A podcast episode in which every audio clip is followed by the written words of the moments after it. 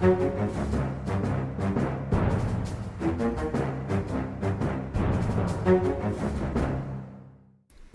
til Aftenpodden. En ny uke. Jeg er politisk journalist Lars Glomnes. Med meg har jeg som vanlig politisk redaktør Trine Eilertsen. God dag, god dag. God dag. Og i sommer så lar vi hverdagen og dagsorden fare og konsentrerer oss med, om ting vi syns er interessant. Så i dag så har vi med oss en gjest fra statsministerens kontor. Sigbjørn Aanes, statssekretær fra Høyre. Velkommen. Takk, takk. Hyggelig å få være her. Ja, det er trivelig å ha selveste mørkets fyrste på plass. Norges eh, mest sentrale spinndoktor. Jo, takk for, for, omtalen og omtanken. Eh, det er jo eh, morsomt å kunne få være gjest hos, eh, hos Aftenpodden. Jeg har jo fulgt dere tett og lytta til alle utgavene, så det blir spennende å få være med på dette. Ja, ikke sant. For vi, vi, tenkte rett og slett at uh, du sitter midt i mye av det vi er opptatt av. Altså hva regjeringen bestemmer seg for, hvordan de presenterer ting, og uh, hvordan de av og til uh, driter seg ut. Så, men du kan jo begynne litt med å fortelle. altså Statssekretær ved statsministerens kontor du er ansvarlig for informasjonen og kommunikasjonen. Kan du ikke fortelle litt hva arbeidet ditt er? Altså Den delen av arbeidet som går ut på kommunikasjon, handler jo både om å eh, koordinere en del av arbeidet i regjeringa som går på kommunikasjon. Det er mange departement, mange ministre, eh, mange som ønsker å ha ut saker, og mange som innimellom havner i vanskelige saker. Og da er Eh, statsministerens kontors rolle er jo å prøve å koordinere dette. Eh, innimellom bidra til å håndtere vanskelige saker og gi innspill til gode saker. Men ikke minst er det jo også å uh, sørge for at uh, arbeidet rundt statsministeren flyter godt. Det er mange journalister i Norge fremdeles. det er blitt flere TV-kanaler, det er blitt nettaviser. Så det, det, er viktig at vi, vi jobber godt for å koordinere hverdagen rundt om. Men uh, la det ikke være noen tvil, din oppgave er å få regjeringen til å se bra ut. Det er helt riktig. Uh, og så er det jo mange som mener mye om hvordan det går, uh, men det er en veldig spennende oppgave. Jeg syns jo det er fryktelig gøy. Også skjæringspunktet politikk og kommunikasjon har jeg alltid syntes er veldig spennende. Så det, det å få jobb med det, med det fra statsministerens kontor er, er utrolig givende. Og helt kort, du er jo en ganske ung fyr fortsatt, må jeg lov å si. Uh, før, uh, før, denne jobben, hva gjorde du? Jeg var, stats, jeg var kommunikasjonssjef i Høyre og stortingsgruppa til Høyre i, i, noen år. og Før det så jobba jeg for oljeindustrien. Den gang med jobba jeg for å få åpna opp eh, Lofoten og Vesterålen for, for oljeboring. Eh, noen vil jo mene at jeg kanskje ikke lyktes godt med det. Nå er stafettpennen gitt videre til Karl Erik Skjøtt Pedersen, så vi får se hvordan han lykkes. Men det er jo eh, altså din rolle og oss journalister, vi, jo, vi er jo avhengige av hverandre. Eh, vi er avhengig av å vite litt av det du driver med. Du er avhengig av å nå frem til oss med både on og off the record, som eh, vi har jo samtaler på alle kanaler. Eh, da du våknet dagen etter statsbudsjettet ble lagt frem i høst, og så dekningen og så hvor debatten bar. Allerede i vandrehallen den dagen så så vi hvor det bar. Hva tenkte du da? Nei, altså, Jeg, jeg syns ikke det var vanskeligst dagen etterpå. Det ble, eh, det ble mer krevende etter hvert. Men, men, det første som slo meg ikke så lenge i etterkant, er at vi må også venne oss til dynamikken av en mindretallsregjering. Norsk presse har vært vant med en flertallsregjering i åtte år. Dvs. Si at når budsjettet er lagt fram, så er det avgjort. Ingenting ble flytta på i Stortinget. Det var knapt komma som ble endra. Nå er det mindretallsregjering. Det er, det er en slags julaften og festaften for norsk presse. fordi da vet man at man kan skape konflikter og se uenigheter, og det kan få konsekvenser. Og, eh, og, norsk presse kommer til å benytte seg av, av, den eh, festkvelden hvert eneste år. Det er jo en fest, det må vi få lov å si, Lars. Vi men, som men, har holdt på en stund. For det har blitt, det har blitt løfta fram av noen som kanskje hovedgrunnen til at, at regjeringspartiene falt på meningsmålingene, var at man, man feilbedømte og, og, la fram statsbudsjett som ga for mye i skattekutt til de rikeste, samtidig som man kutta i, i barnetillegget for uføre.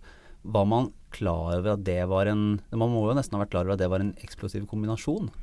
Man var fullt klar over uh, at man gjorde det, men, uh, men, jeg bruker å si det er mange som kritiserer Høyre for at vi fortsatt er opptatt av formuesskatten. Jeg tror den kritikken kan bli annerledes i den situasjonen landet står i nå. Men, men, samtidig skal man huske hva som skjedde sist Høyre satt i regjering og ikke gjorde noe med formuesskatten. Da gjorde man et valg på 14 Eh, Nå ligger man eh, godt over 20% og nærmere valgresultatet enn man gjorde den gangen. Så det, det man ofte glemmer, det er jo å se hva er konsekvensen av å ikke gjøre noe. Altså hva, er konsekvensen av å gjøre det motsatte.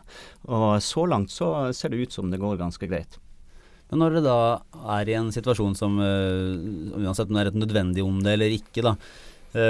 Måte, Hvilken modus går da SMK og dere inn i for å begrense og rette opp i dette her?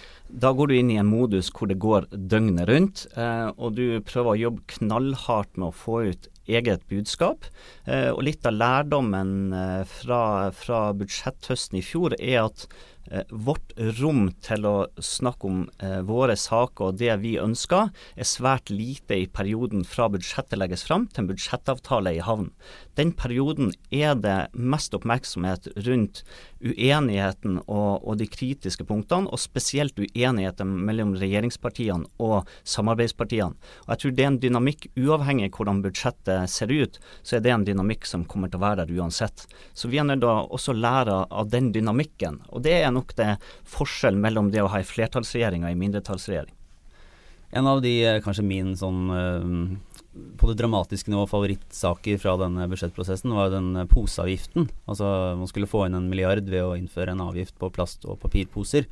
Uh, og som var, ingen ville ha. Som ingen ville ha, men, men man hadde da sittet i, i et par uker eller noe sånt og forhandlet og for å finne fram til en løsning, og så stilte man seg opp for å vise fram hva løsningen hadde blitt, og så tok det omtrent fem minutter før folk begynte å fraskrive seg ansvaret fra poseavgiften.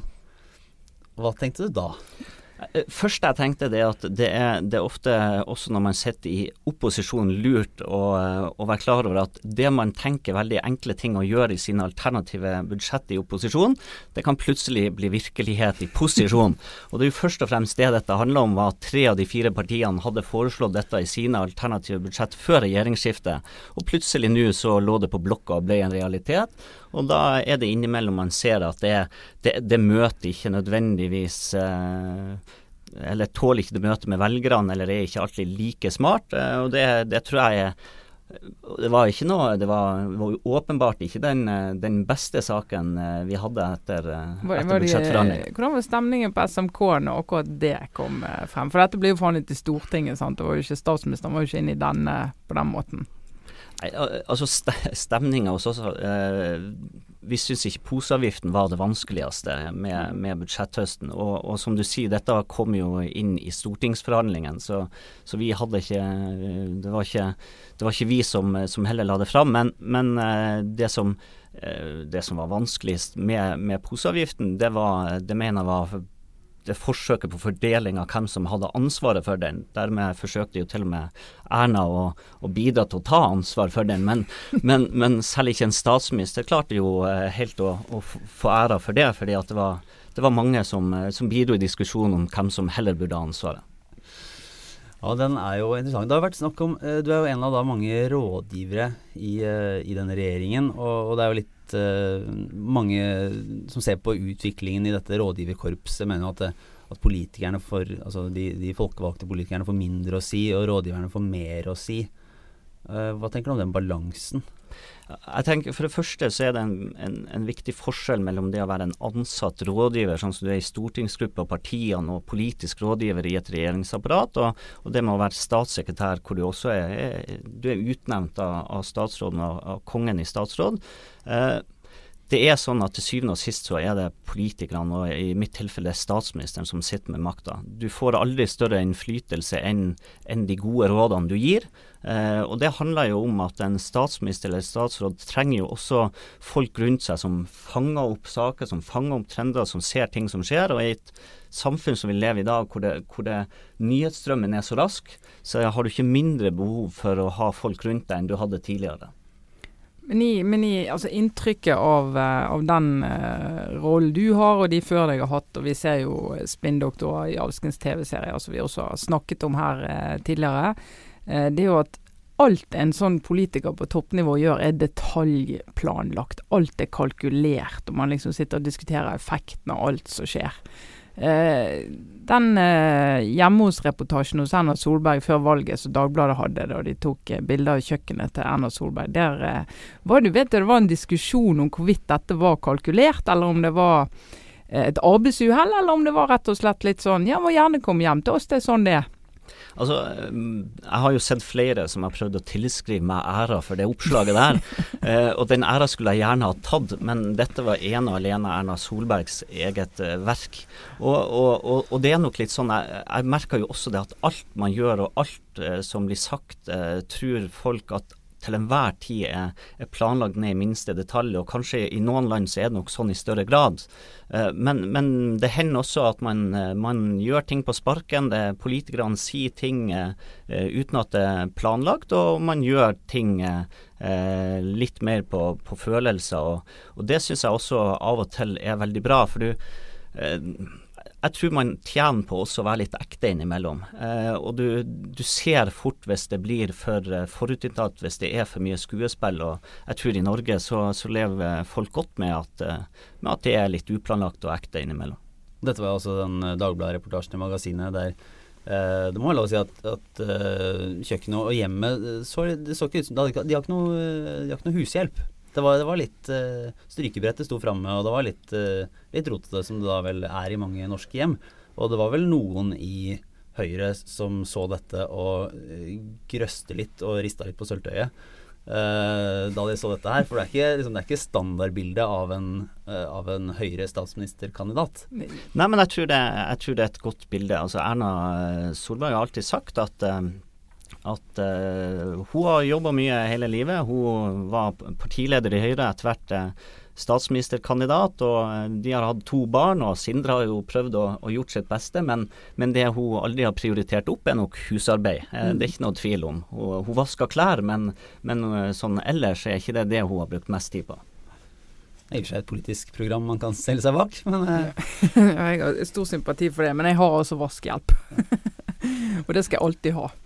Men Sigbjørn, du er jo også Ved SMK så har du også ansvaret for å, for å, å følge opp både Høyre- og Frp-departementene. Mm. I hvilken grad er det forskjellig, og hvordan er det å jobbe med et annet parti på den måten? Altså, jeg syns det er, veldig greit. Men må huske at jeg gifta meg jo med Frp for noen år siden. Altså, jeg fant kona mi i FrPs eh, stortingsgruppe. Vi, vi, var i den spesielle situasjonen at vi var jo begge statssekretærer i denne regjeringa i ett år samtidig. Hun for en Frp-minister og jeg for, for Erna. Eh, sånn at eh, jeg har nok vært med på i, i en del partisammenhenger også i Frp og lært det partiet å kjenne ganske godt. Det, det er to ulike partier, det er ulike kulturer. men jeg syns det går eh, i regjeringa så går det utrolig bra, det samarbeidet. og Det er jo, det er jo i regjeringa jeg, jeg, jobber. Eh, det er jo de jeg forholder meg til. så det eh, Og så syns jeg det er litt gøy. De har jo flinke folk. altså jeg mener, eh, Vi har mye å lære av en Ketil Solvik-Olsen. Han, han, får mye ut av sakene sine. Hva er den kulturforskjellen? Hvordan vil du beskrive den? Altså det, jeg tror det, det, er jo forskjellige kulturer i, i alle, alle, partier. og det er klart at, at Frp er jo eh, har en annen kultur når det kommer til både stortingsgrupper og partiorganisasjon. Eh, F.eks. er det jo sånn at i, i Høyre så kan, ikke, så kan ikke sentralstyret overkjøre stortingsgruppa, for, fordi at stortingsrepresentantene er valgt inn av folket, og, og stortingsgruppa har på en måte all makt. I, I Frp er det annerledes. Der har landsstyret og partiorganisasjonen en helt annen, eh, helt annen makt, sånn at det er en annen maktstruktur. Eh, og det, det er to ulikheter men det er også ulikheter du ser i, i andre partier. Så Der er Venstre liker Høyre, mens du har uh, andre partier, kanskje SV, som, som, har en partikultur hvor også partiet uh, ofte har større makt enn en gruppa. Som, uh, som, vi snakket om, så er jo din oppgave å få regjeringen til å se, se bra ut. en av de utfordringene en politiker har, er jo det å alltid stå på sin spinn og alltid liksom, um, må stå for sitt parti, stort sett, også når andre, andre partier kommer opp med gode forslag. Uh, og har man en god idé, så kan man i liten grad, eller i hvert fall skjer det sjelden, at man sier at det var egentlig et godt forslag, jeg tror jeg ombestemmer meg. Hvordan er den delen av politikervirkeligheten? Altså jeg, tror, jeg tror ofte norske politikere i alle leirer kunne ha berømma andre partier enda mer. Nå er det jo også sånn at når, eh, hvis, hvis Knut Arild Hareide sier noe fint om regjeringa, så er ikke det så interessant for Aftenposten og de andre avisene. Så det er ikke sikkert det kommer på trykk eller kommer på lufta.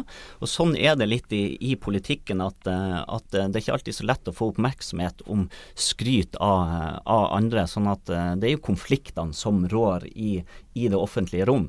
Men, men, jeg tror også folk, folk liker å, å, høre at man skryter av andre partier og skryter av motstandere det syns jeg kan være, kan være, veldig legitimt. Så, så, det kan man innimellom tror jeg gjøre mer av. Jeg satt en gang i en, uh, i en drosje i Buenos Aires, dette var i 2006, og så spør han drosjesjåføren min, det var, var jo Argentina og var i ferd med å gå konkurs omtrent, det var litt sånn Hellas-stemning der. Og Så spurte han meg hva jeg gjorde da, veldig oppegående fyr som uh, snakket strålende engelsk uh, og nå kjørte drosje. og så sa de at jeg var politisk redaktør i en, i en norsk avis. Så var han stille lenge, da. Uh, han kjente åpenbart Skandinavia. Så sier han er det nok til en full dags jobb? og, da, og hadde et inntrykk av uh, Skandinavia som så harmonisk at det fantes jo omtrent ikke politikk, og i hvert fall ikke han å kommentere det på dødeliv hele tiden. Så altså, Poenget disse konfliktene i, i, norsk politikk som av og til uh, altså, veldig skarpe og veldig voldsomme. Uh, altså, hvordan er det å, å være liksom en representant for den ene siden i en sånn konflikt? Kjenner du av og til på at dette er smått, men vi får nå bare kjøre på? Ja, altså uh, Av og til så, så uh, Og det tror jeg også overfor for velgere. altså For folk så tror jeg innimellom at de, de kan oppleve krangling litt, litt smålig. Um, og, Det er derfor jeg mener at man, man kan tjene på, på, på å skryte av andre og være raus. Og ikke minst så, så, burde man kanskje oftere stjålet gode forslag fra andre og gjort det til sine egne. Ingenting er jo bedre enn det. Uh, så og det, det, er klart at når du, når du, ser andre gode saker, og det hender jo man gjør, så, så, så uh, skulle man kanskje gjerne uh, heller kunne, kunne stjålet det enn å lete etter de, de gode argumentene imot. Det jo vært en eh, du, Jeg tror du har helt rett i det at vi ikke alltid siterer Hareide når han sier at Erna er en ordentlig flink eh, statsminister. Så når vi hører det, så er det på radioen eller et eller annet sted der han ikke er klippet. Mm. Men, eh, men, det hadde jo vært interessant hvis en på toppnivå i Høyre plutselig Arbeiderpartiet kommer med et forslag og sier vet det der var en knallgod idé, vi tar det rett inn. Mm. Det hadde jo vært en sak, Lars, for det er så sjelden. Da hadde det blitt en sak, ja. Og jeg er jo i og for seg en, en, sterk forsvarer av den ganske konfliktorienterte politiske journalistikken. Da. det vet vi. Så, eh, så, ikke, så vi, skal ikke, vi skal ikke bli så, så Nei, vi skal ikke bli så fint. Og, og så er det jo valg snart, og da ja. er jo hele poenget med at vi skal få frem forskjeller så folk vet hva vi skal stemme på. Det er jo samfunnsoppdraget. Ja. Vi må jo få frem forskjeller, og i det må det jo være litt konflikt. Det, det, må det, og det, det, kommer det jo til å være. Men det er klart, Norge er også annerledes ser det enn en andre skandinaviske land. Altså Hvis du går til Sverige, så er det et helt, altså det mye, mye sterkere konfrontasjoner mellom, eh, mellom blokkene. Og ikke minst er det sterkere konfrontasjoner mellom politikerne og journalistene. Altså I Norge er det harmonisk sammenlignet med, med Sverige. og i den eh, danske valgkampen var jo også ganske røff. altså Der eh, så du kampanjer som jeg ikke du tror ville ha sett i Norge. Så, så på mange måter så er, så er det nok riktig at eh, vi har ikke like harde debatter, debatter i Norge, men, men allikevel så, så rår jo konfliktene selv om de er store eller små.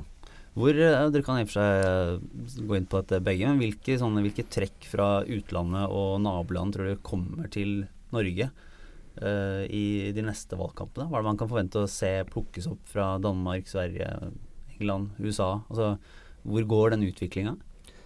Altså, jeg tror det er to ting. Det ene er en sånn eh, kommunikasjonstrend, og det andre er en politisk trend. Eh, kommunikasjon så tror jeg, tror jeg vi, vi, hele tida ser nå også hvordan eh, medieutviklinga, medietrendene, er også internasjonalt i valgkamper. Altså, eh, det, det, er veldig ulikt fra land til land hvordan media fungerer. altså Britisk presse er, kan ikke sammenlignes med norsk presse, men, men bruk av sosiale medier er et eksempel på, på, på, en sånn internasjonal trend hvor vi nok bl.a. kommer til å følge den amerikanske valgkampen til neste år opp mot, opp mot 2017. Samtidig som man vet at den sikreste måten å tape et valg på, er å se hvordan det forrige valget ble vunnet. Eh, den politiske trenden vi ser, er jo at parti uten ballast eh, ofte nå eh, gjør det bedre i, i, europeisk sammenheng. Hva tenker du på, sånn De Grønne og sånn? Ja, De Grønne i Norge er et eksempel. Altså Dansk Folkeparti er 20 år. Eh, Sverigedemokraterna er, er, ikke fullt så gammelt. og det, det, er jo en politisk trend av to årsaker. Det, det ene er jo den innvandring-integreringsdebatten som går i, i Europa. Eh, men det andre er, tror jeg også, eh, igjen dette med parti uten ballast. Altså Mens SV må stå og forsvare ting de har gjort, så, eh, så kan Miljøpartiet De Grønne stå og snakke om hva de ønsker å gjøre.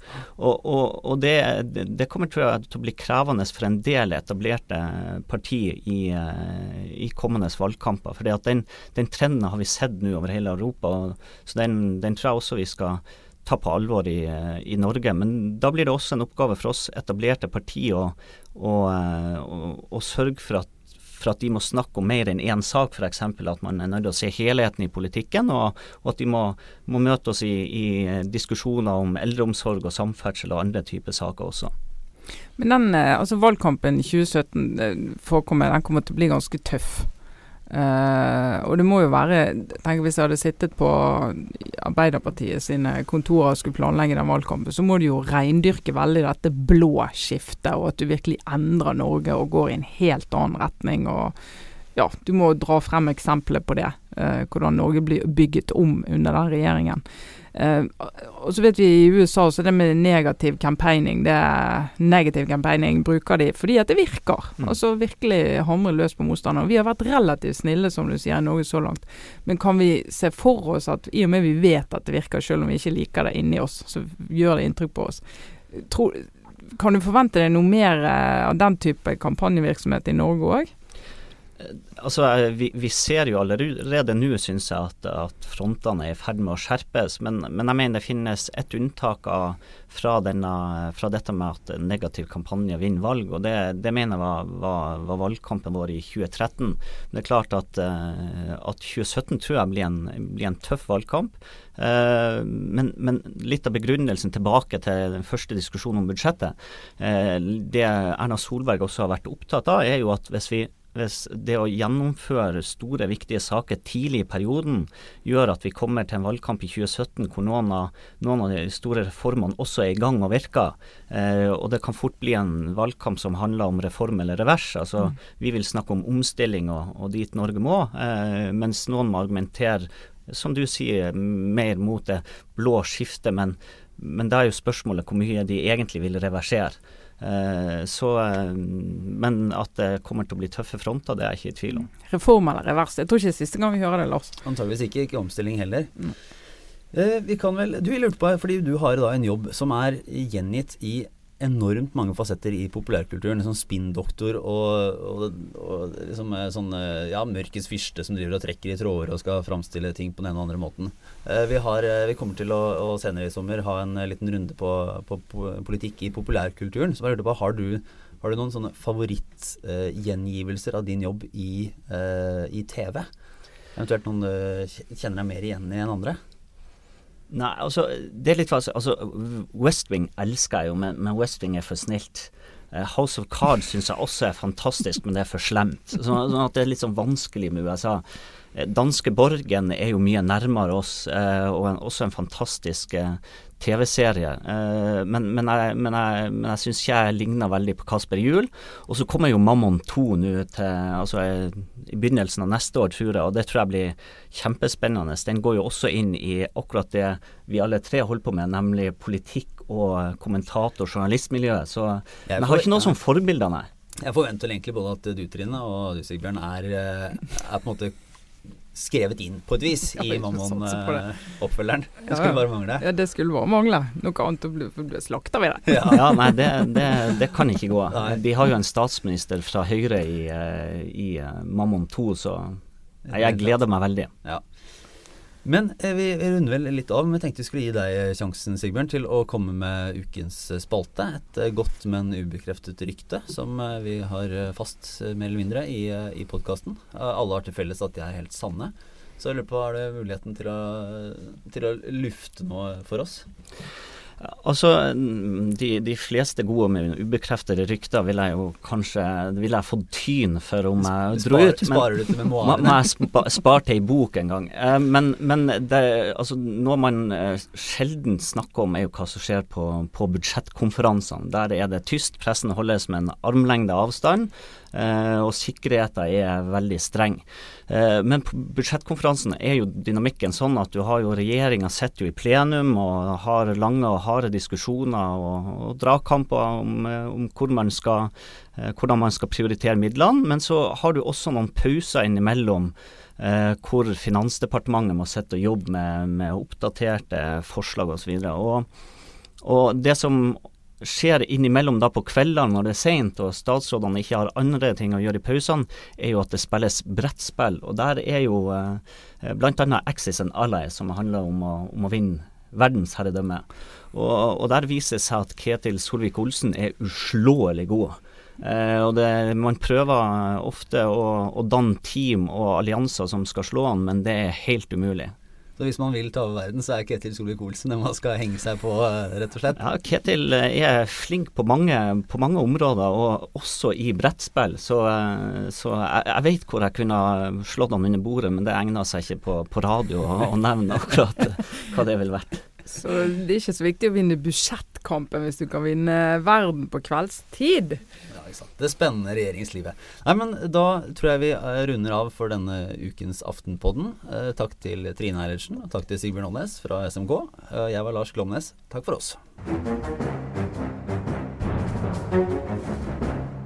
Ja, og så kan vi ta med en liten ekstra beskjed. Hvis du hørte på podkasten denne uken i iTunes, så kan du jo også gå inn og abonnere.